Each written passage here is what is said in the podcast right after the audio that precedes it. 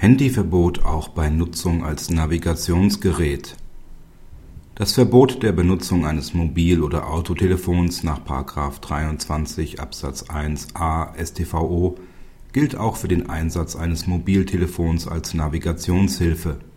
Dem Betroffenen konnte die Einlassung, er habe während der Fahrt das Mobiltelefon nur in seiner Funktion als Navigationsgerät genutzt, nicht widerlegt werden. Dies hat ihm aber nichts genutzt.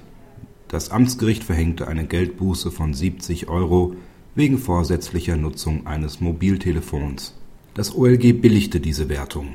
Schon nach dem Wortlaut des § 23 Absatz 1a StVO ist dem Fahrzeugführer die Benutzung eines Mobiltelefons untersagt, wenn er hierfür das Mobiltelefon aufnimmt oder hält. Nach dem allgemeinen Sprachgebrauch schließt der Begriff der Benutzung die Inanspruchnahme sämtlicher Bedienfunktionen ein es entspricht daher der Rechtsprechung, dass die Eigenschaft als Mobiltelefon nicht dadurch beseitigt wird, wenn es über weitere Funktionen verfügt. Auch das OLG Köln geht davon aus, dass die Nutzung der Funktion des Geräts als Navigationshilfe unzulässig ist.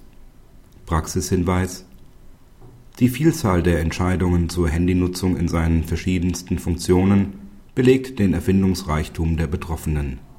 Eine Chance besteht für diese nur wenn es an einem Bezug zu den Funktionen des Mobiltelefons fehlt, so etwa bei einer reinen Ortsverlagerung